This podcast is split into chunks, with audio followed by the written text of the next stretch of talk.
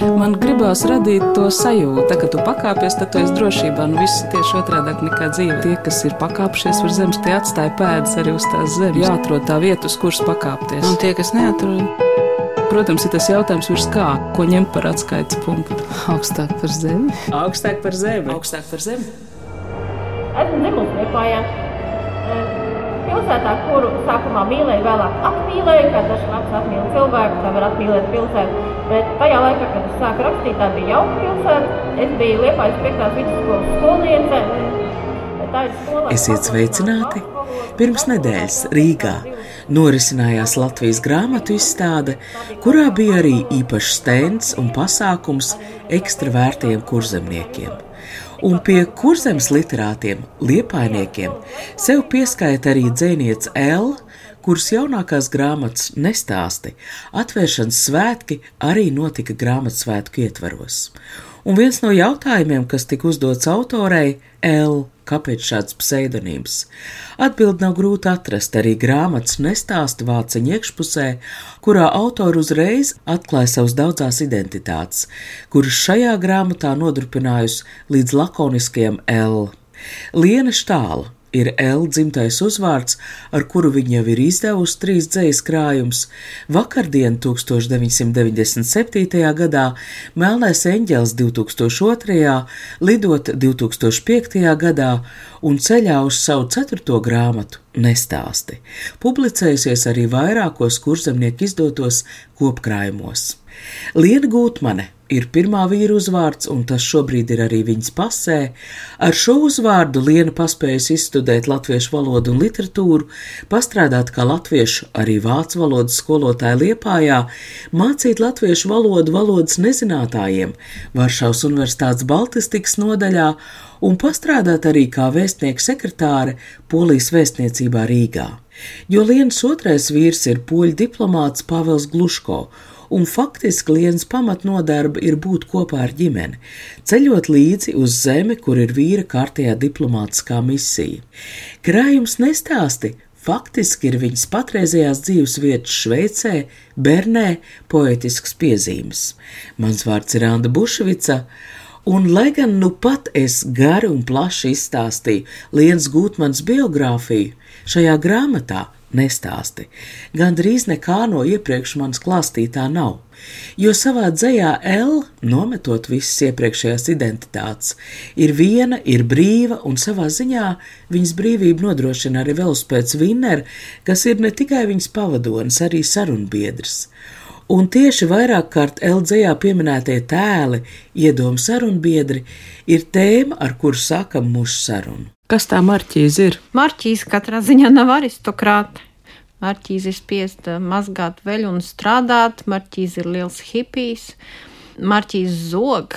Ja viņai kādas citas sievietes rodas patīk, labāk viņa zog. Marķīs arī ir radoša personība. Labprāt glezno, Ziemā viņa ir kļuvusi noslēpumaina, aiziet ļoti tālu, mazrunīga. Lietus laikā viņa aizcērt savus slēģus un nav pieejama.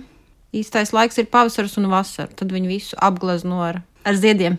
Tas ir alter ego, ja tas tēls ir kā jūsu pavadonis. Tā ir viena no manām draudzenēm. Parasti bērnībā ir iedomu draugi. Marķīze ir radusies kā tēls tiešām pēdējos gados. Alpos viņai ir izcili karsta sieviete, karstasinīga. Nu, tad lasiet to dzīvoli. Mārķīzei.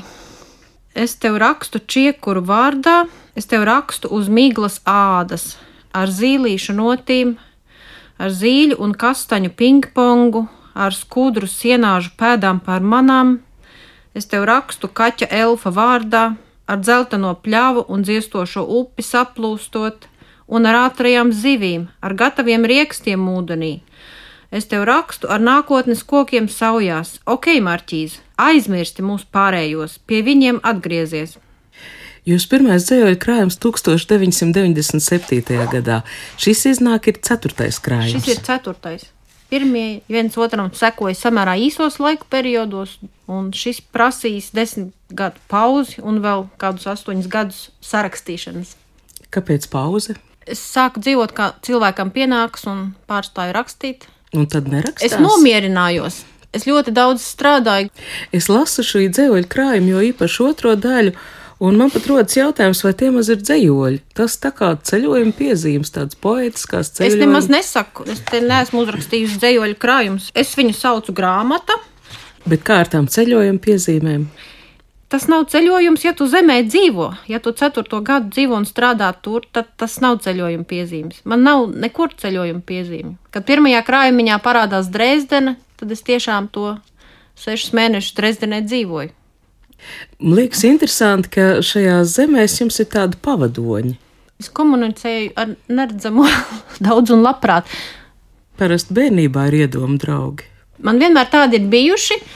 Es nezinu, kāpēc es būtu ļoti laimīga bijusi, ja man būtu bijis māsa, brālis, dvīnis vai kaut kas tāds, un es biju ļoti viena. Es nedomāju, ka es viņus izdomāju, jo viņi eksistēja patiesībā. Es domāju, ka mammai reizēm likās, ka man kāds iet blakus, jo es gāju rokās ar viņu. Viņa redzēja tikai manu roku, un viņai bija ļoti aizdomas, ka kaut kas nav labi. Es zinu, ka tie bija tādi mazi personāži, bērniņi, kā es pati. Es viņus tā kā atceros. Bet, Bet vēlāk šie jau ir, protams, Iedomājieties, tēlu viņš nav, jo Vinnirs ir nopirkts un Vinnirs tā manā garāžā. Un Marķīs patiešām spīd un silda. Lapsa. Lapsa es satiku dzīvojot Varšavā, strādājot universitātē. Bieži es veicu, izveidinot galvu pēc nodarbībām vai gatavojoties viņām tālus izbraucienus ar savu tālāku riteni, kam bija vārds Pegas. To es biju dabūjis Hamburgā.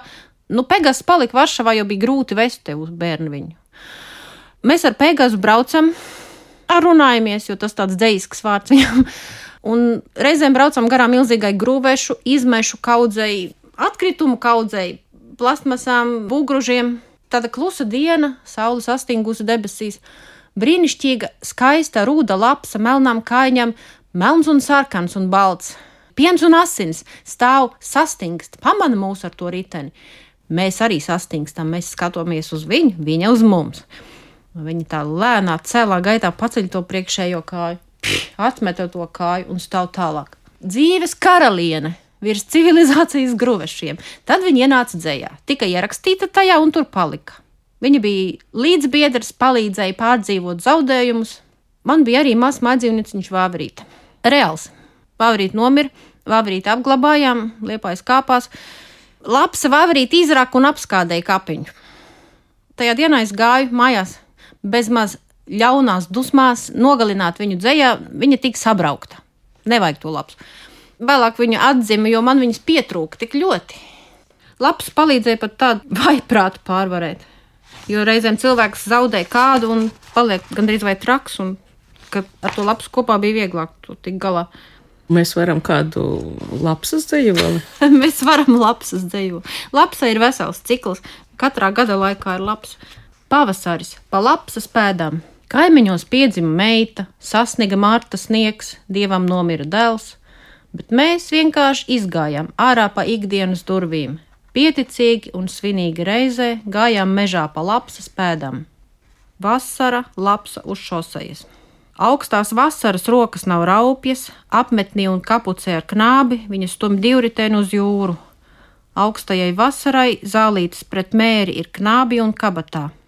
Laiks ir apžēlojies, kā lai viņam Varbūt šis raidījums nemaz nav par dzēju, kas rodam nesen iznākušajā krājumā, nestāsti, jo personīgi mani visvairāk aizrauj tieši saruna ar Lienu Gūtmani. Viņa spēja būt ļoti atklāta, nebeidzam pārsteidzoša. Dzēja šai stāstā varbūt ir kā instruments, kas Elu padara jutīgu pret apkārtējo pasauli un palīdz saust kopā citiem saprotamo realitāti ar tikai viņas piedzīvoto, sajusto, izlasīto. Un varbūt šis ir stāsts arī par rosīgo liepājas literāro vidi, no kuras Liena Štāli ir izaugusi kā dzēniece. Bija tādi laiki, es biju tas 11. klases rakstošais bērns, un es pievienojos tādam lielam grupējumam. Mēs bijām viens liels bars, no 17 līdz 30 gadu vecu jaunu cilvēku grupa. Tur bija Gunita Boka un daudzi citi bet tie ir pagaisuši no rakstošo vidas. Mēs kopā gājām uz liepais dzinteriem, mēs kopā taisījām pasākumus, mēs kopā uzstājāmies dzējas dienās. Es nezinu, kāpēc mums tik labi bija kopā, mēs kopā pavadījām brīvo laiku. Mēs kopā taisījām projektus, drukātavā, drukājām bez ASBN grāmatas mums visiem. Manējā saucās krāsaini iedomu čigāni. Katram no mums tur bija tāda Un, un tas bija 90. 90. beigas, visi... 2000. sākums. Taču arī pēc šī aktīvā perioda Liena Štāla turpināja sūtīt savus dzējoļus no ārzemēm liepainiekiem, un šīs saraksts uzturētāja Liepājā savukārt bija Linda Zulmane, piejūras pilsētas literārās akadēmijas koordinātore. Viņa savulaik ir bijusi arī Lienas pasniedzēja augstskolā, un arī par grāmatas nestāstu iznākšanu L lielā mērā jāpateicas Lindai Zulmanai. Tā mūsu attiecību vēsture, ja tā varētu teikt, ir pietiekami gara. Visu šo četru krājumu garumā pirmie trīs krājumi ir izdoti Liepājā, Liepājas universitātes izdevniecībā, nu tagad jau arī izdevniecībā Madras. Jo es vienkārši skatos, ka šie pirmie krājumi tie tika recenzēti, pamanīti. Un tad šī garā pauze. Nu, pirmie trīs krājumi ir izdoti ar Lienas Štāles vārdu. Jāsaka, ka mm, šie krājumi un arī vispār Lienas stāsts dzēja bija pamanīti jau jāsaka, pašos pirmsākumos. Un kas ir ļoti interesanti, ka daudzi nu, šobrīd mums pazīstami rakstnieki, dzējnieki jau toreiz ir novērtējuši Lienas spēju izpausties dzējā, tekstā. Nevienmēr katram izdodas ar pirmo krājumu iegūt lielu atsaucību, bet tieši par Lienas šo pirmo dzējoļu krājumu tieši vakar Jana Egle sacīja, ka tas ir vismīļākais krājums. Un arī Liepājā atverot šo tagadējo krājumu, daudz izteicās, ka tieši pirmie dzējoļi ir bijuši tie, kas arī uzrunājuši. Tieši tāpēc arī joprojām Lienas dzēja tiek lasīta, tā tiek publicēta arī kopkrājumos. Tā kā nav tikai šie vieni četri krājumi, bet ir arī dažādas publikācijas, arī laikrakstā konteksts, arī piemērs vējos. Daudzu gadu garumā Liene ir arī, varētu teikt, augusi šajā dzējā. Jo parādās arī kaut kas no šīs pasaules elpas, protams, dzīvojot prom no Latvijas, un tajā pašā laikā divas mūžam svarīgās lietas, pilsēta un daba joprojām sadzīvo ļoti labi šajos krājumos. Tas bija mans nākamais jautājums, vai Lienas dzēja ir mainījusies? Grūti pateikt, protams, ka mēs visi maināmies. Mēs maināmies laikam līdzi, un tādā ziņā noteikti Lienas dzēja ir mainījusies. Jā, noteikti arī tematiski, jo dažādi apstākļi, situācijas mūs vienmēr ietekmē, bet es domāju, ka kvalitātes ziņā tā ir tikai augusi. Jūs pieminējāt arī, uzstājoties grāmatas atvēršanā, ka jūsu vīrtēvs bija Olavs Gutmans. Olafs Gutmans kļuva mans vīrtēvs. Tāvis Gutmans man apprecējus starp tiem jauniem dzēniekiem biju saskatāma meitene. Es vienkārši domāju, ka tāda mēroga personības nu, tūmā kaut kādām pārdomām bija jārodās. Es viņu satiku jau tad, kad es biju dzēniece. Es biju. Es sevi uzskatu tiešām kopš 11. klases par nelabojamu dzēnieci, kas katru nakti kaut ko smērējis uz papīra. Es rakstīju, protams, kad man atbildēja draugs pozitīvi, un tur bija pirmie dzējolīši. Es visu laiku iekšā man tā nervozēja, nu, tā kliepā, ja avīzes komunists vajag, vajag raksti tur dzēniekus drukā. Ah, es sūtīju lielu kaudzi saņem atbildi. Atnāciet taču uz konsultāciju, to laik oficiāli vēl Olafs konsultēja. Aizeju, ak, Dievs, tur korifeja priekšā. Olafs Gultmanis, Modris Zihmanis, tas, kas Daugavas vanaks, tas Sibīrijā bijušais. Bet es klausījos īpaši Olafā. Olafs bija slikts kritiķis, Olafs deva labus padomus, bet baidījās kādam teikt, ka viņš ir priekš kaķiem. Un es jau to laiku sapratu, ka daži no šiem jauniem nepaliks ceļā. Man bija tā žēl, ka viņiem Olafs nedod skaidri saprast, varbūt jūs dariet dzīvē vairāk citu lietu. Jo cerības jau mēs likām visi, ka būsim. Es redzēju, kas starp mums ir labi. Un es redzēju, ka tur ir tādi, kas nepaliks. Un man likās, Olafs to visu zina. Es redzēju, ka viņš zina, bet viņš bija tik humāns, tik silts pret visiem. Un tāpat laikā jūs teicāt, ka tieši pretēji temperamenta dzēnieks nekā jūs, ka jūs esat impulsu. Jā, tā bija viņa pieeja rakstīt un... sistemātiski. Es neatceros tās stundas, vai tas bija no 9 līdz 11 vai no 9 līdz 12, bet tas bija sistēma pēc suņa staidzināšanas un brokastu ēšanas rakstīt. Olaf biblioteka bija liela, to varēja izlasīt. Tur bērnu ratiņš stundītam izlasīja visu. Un savu tēta biblioteka bija izlasījis bērns būdam, naktī zem spilvena. Mans tēvs bija ārsts, un viņam bija milzīga biblioteka. Viņš pasūtīja kopotos rakstus visiem, kas vien iznāca. Viņš bez grāmatām un ceļojumiem dzīvot nevarēja. Tolaik es lasīju kā manieks jaunībā, bērnībā visu. Katrā ziņā latviešu literatūras lasīju vismazāk. Man patīk viss, kas nāk no ārzemēm. Bet man ļoti patīk arī krievu literatūra. Es lasīju Pasternāku, Bulgākovu. Čeho man bija Dostojevska vasara, Čeho vasara, viss pa punktiem kopotie raksti. Man nav skaistākas skaņas pasaulē par krievu valodu. Es zinu, ka es esmu nepopulāra, biju un būšu. Man patīk krievu kultūra. Man patīk viņu tās mīlīmoji, daragoji. Romāns. Romāns Nu, tā, protams, ir tāda kultūra, kur tika apšauta padomju laikā, vai tika nomirdināta, vai izsūtīta. Visi tie Mandelštāmi, Ahmatovs, Cvetājus. Tā viss man pasaule. Kāpēc cilvēki emigrē? Jo agri vai vēl es kā autor, tas autoriņš L, tā autorīte, viņa saprata, ka būtu jau aizbraukusi no tās liepājas, varbūt ne no Latvijas, bet no tās liepājas arī tad, ja tas poļu vīrs viņai nebūtu gadījies. Nu, tā bija bezgalīga raušanās prom no tā sastrādātā, sadzīvotā un pārciestā tajā jaunības pilsētā. Es sākšu par to, kā tas ir. Es varēju aiziet tikai divos virzienos, uz rietumiem vai austrumiem. Proti, Vieglāk proti vācu vai 90. krievu? bija aizbraukt uz Vāciju, nekā būt bijis nokļūt Maskavā un tur kaut ko sākt. Ar tiem režģiem, kas bija jauni sacelti. Un...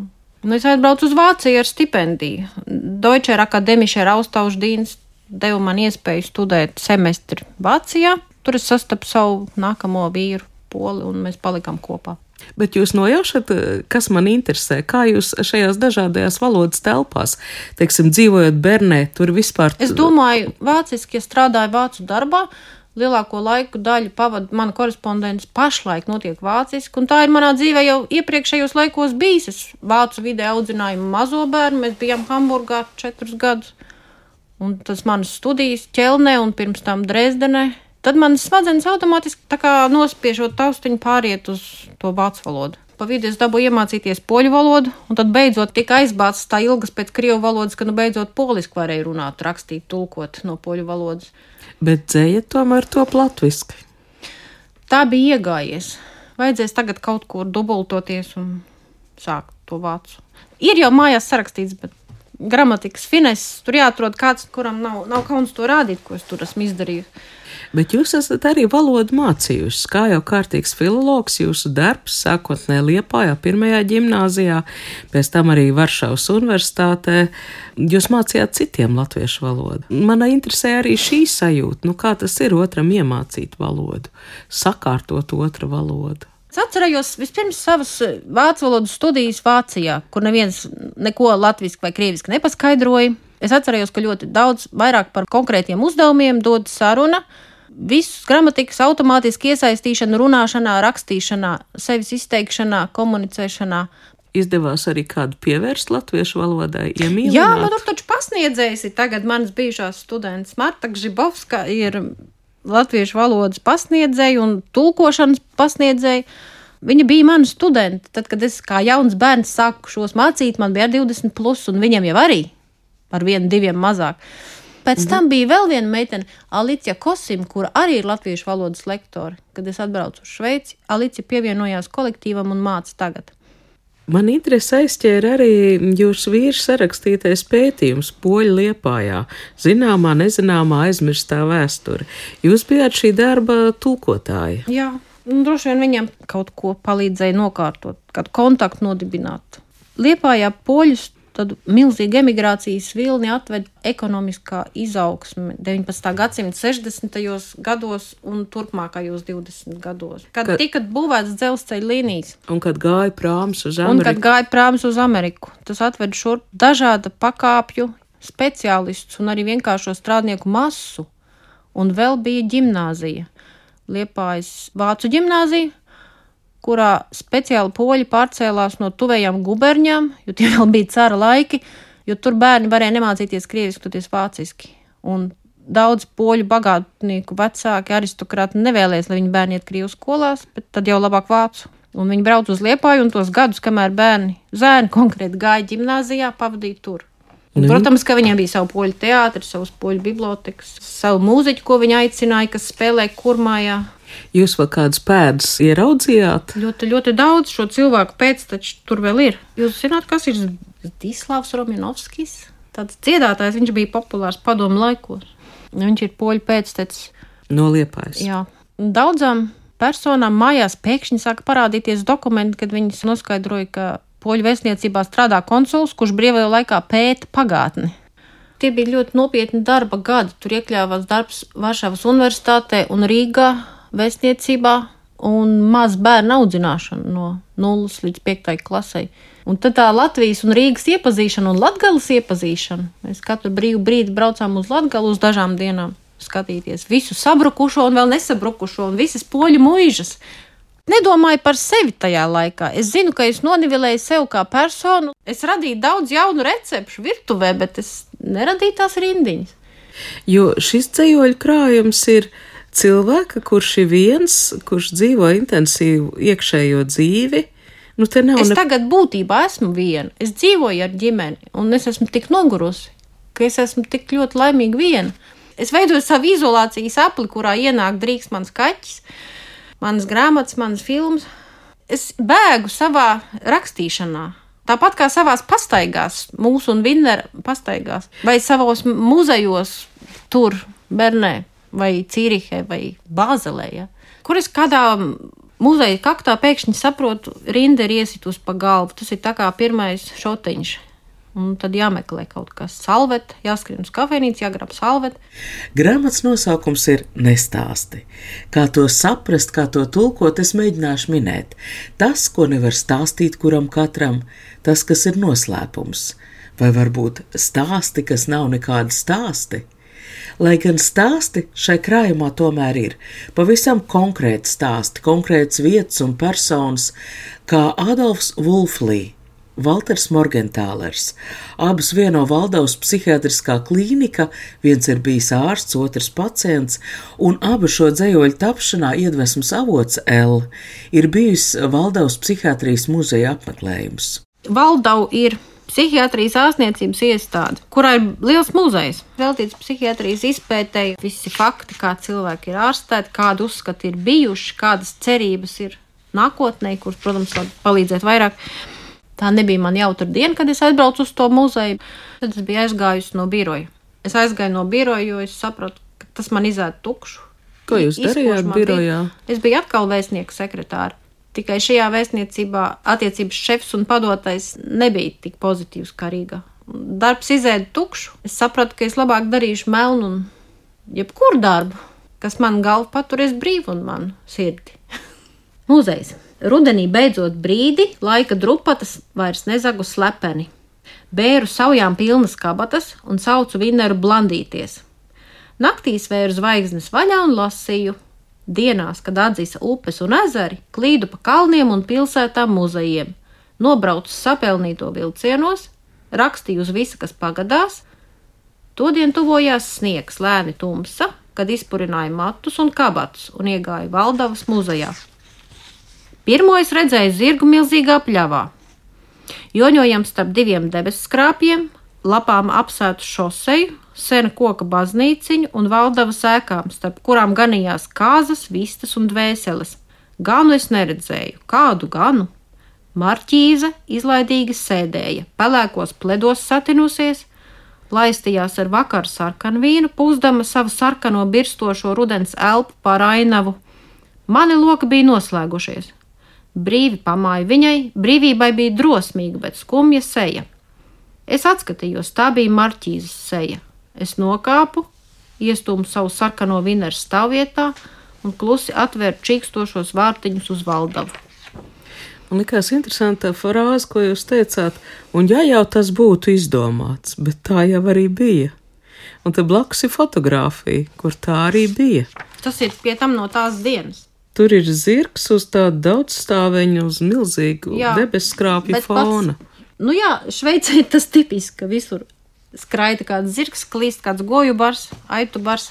Roberts Valzers, vāciski rakstošs šveicis autors, pētnieku Kafkas, Hesses un citu atzīts modernists. Pēdējās dzīves desmit gadus pavadījis Valdavas un Herisavas iestādēs. L rakstītajām piezīmēm dzējā bieži vien ir arī skaidrojoši ievadvārdi prozā. Tas ir viens no maniem pēdējā laika mīļākiem rakstnieciņiem. Labs rakstnieks. Latvijas pašlaik arī iztūkots ir viņa laupītāji. 2021. gadā šī grāmata ir iznākusi sērijā Orbītas bibliotēka, tulkotājs Denis Dimiņš. Viņš ir klasiķis. Viņš raksta gariem teikumiem, bet viņš raksta lieliski. Es meklēju netipiskas notis literatūrā. Man viņš ar kaut ko nebūtu atgādina to pašu, vai pasternaku, vai ko tādu ļoti lielu smeldzi. Viņa varoņi ir tādi blandoņi, kas it kā zina, ka nekam nav jēgas, ka nekas jau viņiem tāpat nesanāks, bet bauda to, to brīdi, tās pastaigas, tāpat kā pats Valzers ir baudījis vienmēr garas pastaigas. Nu, Valzeram interesanti viņa nāve. Tas man ieintriģēja, to es izlasīju internetā. Vienā no viņa pirmajiem romāniem varoņi staigā pa sniegotiem alpiem un atrod vienu citu romānu varoni, aizmigušu, nomirušu, sniegā nosalušu. Viņš to tā skaisti apraksta, cik skaisti viņš tur gulēja tajā sniegā, cik labi izskatījās, cik ļoti saudas ar to ainavu. Nu, Valzers jau pats nodzīvo ilgu mūžu, skatos ap 70 arī aizgāja pastaigā. Viņu laida no viņa ārstniecības iestādes mierīgi staigāt. Viņu laida staigāt, viņš bija pilnīgi nekaitīgs, vienīgi viņš bija tāds kā aizgājis sevī. Viņš arī bija atrasts nākamajā rītā vai pēc dažām dienām, apgūlies, ka it kā saplūdis ar ainavu, sniegā, alpos naktī. Pastaigā ar Vinneru pa Roberta ielām. Tas Roberts man visur ir, jo viņš ir dzīvojis manā ielā tieši ne pretējā, bet divas mājas tālāk pretējā pusē. Viņš jau mainīja adreses ļoti bieži. Kaut ko no tā es saprotu. Mēs arī mainām adreses. Viņš nerada mieru. Reizēm viņš laikam bēg no balsīm kaut kādā dzīvoklī. Domāju, ka nākamā viņas nebūs. Un bija atkal. Pats mit adrešu bērnē vien pēdējā valdau, pēdējā vispār, kur vēl rakstīja. Skaisti dzīvi simtgadīgi nami. Trīs gadus dzīvoju vienā no tavām ielām, vajag arī gadīties, bet maz pretī. Nebrīva brīva stumju Vinneru uz katru savu nākamo darbu, nākamo izbraucienu. Vinners ir Holandrad, velo vraks, sarkans kā marķīs stērpi vakaros. Ielasījos tevī, grūti naktīs nolikt tavus nederīgos sapņotājus plauktā, iebāžu kabatā. Tā kā tā, kas tur viss nav. Skatos no balkona, kā tu izei klaiņot pa mūsu Murifeldu strāsi uz Elfenau. Kamēr birstavi bijušie brīži, lapas, sniegs, mazi ziediņi, bijušās bankas, grāmatveikals, bīroji, fabrika, bagāto kuģu nami, valsts arhīvs, meiteņu kurpes, lielpilsētas un kalnu takas virpuļo. Viss šķiet pārkājams vieglāk, esi viens, ziediņi, mūrifeld strāse nakts, stumju vinneru ārprātīgās skumjās, kuras nedrīkst atļauties, slapjās lapās stumjos izzakt brīdi bez atbildības, neizskaidrot neko. Iet tumsā zakt un laupīt savus sapņus, iešūtais slepens oders, sasapņoties tā labi atkal dažām dienām, saklēņoties nedēļām, kad nevarēs atļauties, karaliski nobristies un jau gaismiņā apskaut vienīgi vineru un upi, gaidīt, kad neskur nobridusies marķīze rītos man nāks skalot seju. Mums ir laiks vēl vienam nestāstam, un šis būs no 19. gadsimta sākuma. Šveices galvaspilsētā Bernē atrodas skaists rajons Elfenau. Tas ir pakalns, kurā Anna Fjodorovna no Saksijas karaļnama aizprecināta Krievijas lielkņazam uzbūvēja savu sapņu mūžu. Kad atteikusies no aristokrātijas un laimi meklēdam ieradās Bernē un sāka pavisam jaunu dzīvi tur. Savam pakalnam āras krastā viņa deva vārdu Elfenau, jo izkāpjot no karietes, viņai esot šķitis, ka elfi dejo pār lielo skaisto pļāvu.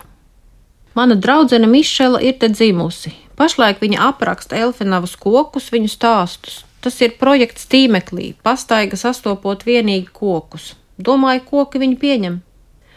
Kad Anna Fjodorovna izkāpa no karietes miglas tīmeklī, pirmos viņa pakalmā sastapa elfus. Tie bija pirmie vietējie. Viņa uzrakstīja savu pasaku ar ēkām un kokiem, šķiet, ka elfi viņu pieņēma. Es apsēžos pakalna galā virs pļavas, koka sakņu tronis, debesu karaļnams, gluži kā mans kurzemes čigānu sensis, es klausos koku. Anna Fjodorovna paceļ kleitas malu un apsēžas līdzās. Viņas zīda kurpes ir pilnas ar pļavu. Rase matos, visa nobridusies, bet stāsta viņa franciski, tā ka klausos vienīgi kā čab lapas pār pļavu. Rudens, madam, osiņ, herbst. Tu gan ilgi sēdēji zem tā koka, visu vakaru nosēdēji ar to rudo kaķeni. Man tieši tāda vēl nesen bija, atceries, saka Mišela. Ar dzēnieci L. Lienu Gutmani sarunājās Anna Bušvica. Par šī raidījuma skaņu gādāja Valdis Raitums. Krājums nestāsti Šveices piezīmes dzējā. Tā kā tu pakāpies, tad tu esi drošībā. Nu, viss ir tieši otrādi nekā dzīve. Tas ir tā spēle, jā. Tie, kas ir pakāpšies virs zemes, tie atstāja pēdas arī uz tās zemes. Protams, ir tas jautājums, ko ņemt par atskaites punktu. Nē, nu, principā ir skaidrs, augstāk par zemi. Jāatrod tā vieta, uz kuras pakāpties. Augstāk par zemi. Augstāk par zemi. Augstāk par zemi.